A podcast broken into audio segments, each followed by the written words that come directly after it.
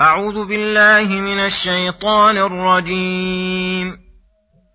ولو شاء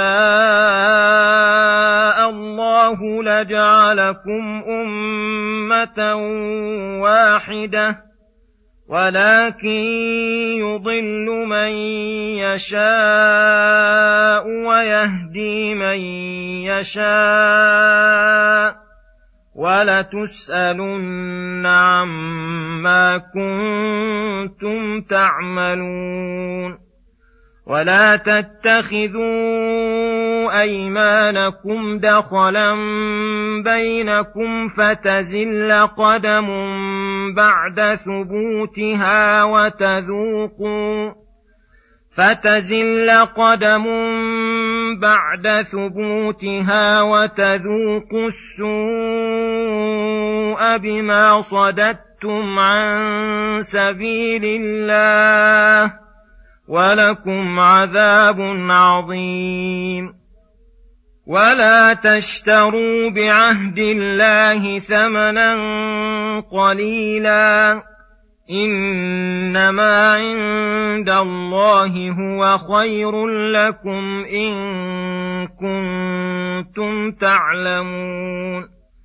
ما عندكم ينفد وما عند الله باق ولنجزين الذين صبروا أجرهم بأحسن ما كانوا يعملون من عمل صالحا من ذكر أو أنثى وهو مؤمن فلنحيينه حياة طيبة فلنحيينه حياة طيبة ولنجزينهم أجرهم بأحسن ما كانوا يعملون. السلام عليكم ورحمة الله وبركاته. بسم الله الرحمن الرحيم. يقول الله سبحانه ولو شاء الله لجعلكم أمة واحدة. أي لو شاء الله لجمع الناس على الهدى ولجعلهم أمة واحدة ولكنه تعالى المنفرد بالهداية والإضلال وهدايته وإضلاله من أفعاله التابعة لعلمه وحكمته. يعطي الهداية من يستحقها فضلا. ويمنعها من لا يستحقها عدلا ولتسألن عما كنتم تعملون من خير وشر فيجازيكم عليها أتم الجزاء وأعدله.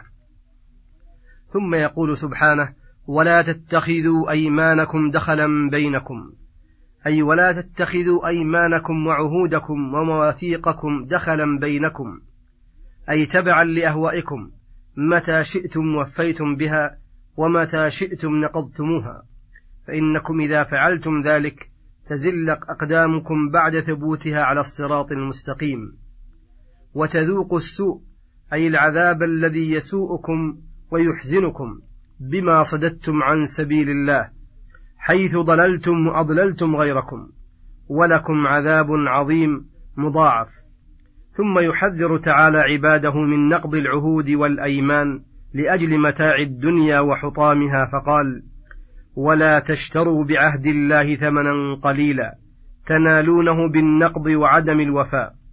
إنما عند الله من الثواب العاجل والآجل لمن آثر رضاه وأوفى بما عاهد عليه الله. هو خير لكم من حطام الدنيا الزائلة. إن كنتم تعلمون فآثروا ما يبقى على ما يفنى. فإنما عندكم ولو كثر جدا لا بد أن ينفد ويفنى وما عند الله باق ببقائه لا يفنى ولا يزول. فليس بعاقل من آثر الفاني الخسيس على الباقي النفيس وهذا كقوله تعالى بل تؤثرون الحياة الدنيا والآخرة خير وأبقى وما عند الله خير للأبرار وفي هذا الحث والترغيب على الزهد في الدنيا خصوصا الزهد المتعين وهو الزهد فيما يكون ضررا على العبد ويوجب له الاشتغال عما أوجب الله عليه.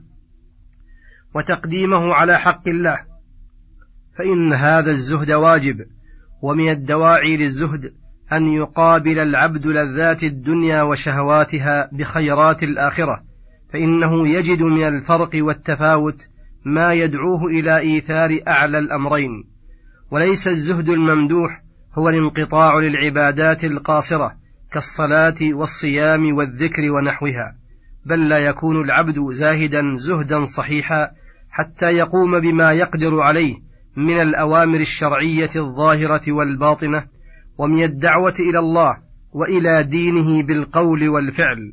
فالزهد الحقيقي هو الزهد فيما لا ينفع في الدين والدنيا والرغبة والسعي في كل ما ينفع. ولنجزين الذين صبروا على طاعة الله وعن معصيته وفطموا أنفسهم عن الشهوات الدنيوية المضرة بدينهم أجرهم بأحسن ما كانوا يعملون. الحسنة بعشر أمثالها إلى سبعمائة ضعف إلى أضعاف كثيرة فإن الله لا يضيع أجر من أحسن عملا. ولهذا ذكر جزاء العاملين في الدنيا والآخرة فقال من عمل صالحا من ذكر أو أنثى وهو مؤمن فإن الإيمان شرط في صحة الأعمال الصالحة وقبولها. بل لا تسمى أعمالا صالحة إلا بالإيمان والإيمان مقتض لها فإنه التصديق الجازم المثمر لأعمال الجوارح من الواجبات والمستحبات. فمن جمع بين الإيمان والعمل الصالح فلنحيينه حياة طيبة وذلك بطمأنينة قلبه وسكون نفسه وعدم التفاته لما يشوش عليه قلبه ويرزقه الله رزقا حلالا طيبا من حيث لا يحتسب. ولنجزينهم في الآخرة أجرهم بأحسن ما كانوا يعملون من أصناف اللذات مما لا عين رأت ولا أذن سمعت ولا خطر على قلب بشر فيؤتيه الله في الدنيا حسنة وفي الآخرة حسنة. وصلى الله وسلم على نبينا محمد وعلى آله وصحبه أجمعين. وإلى الحلقة القادمة غدا إن شاء الله. والسلام عليكم ورحمة الله وبركاته.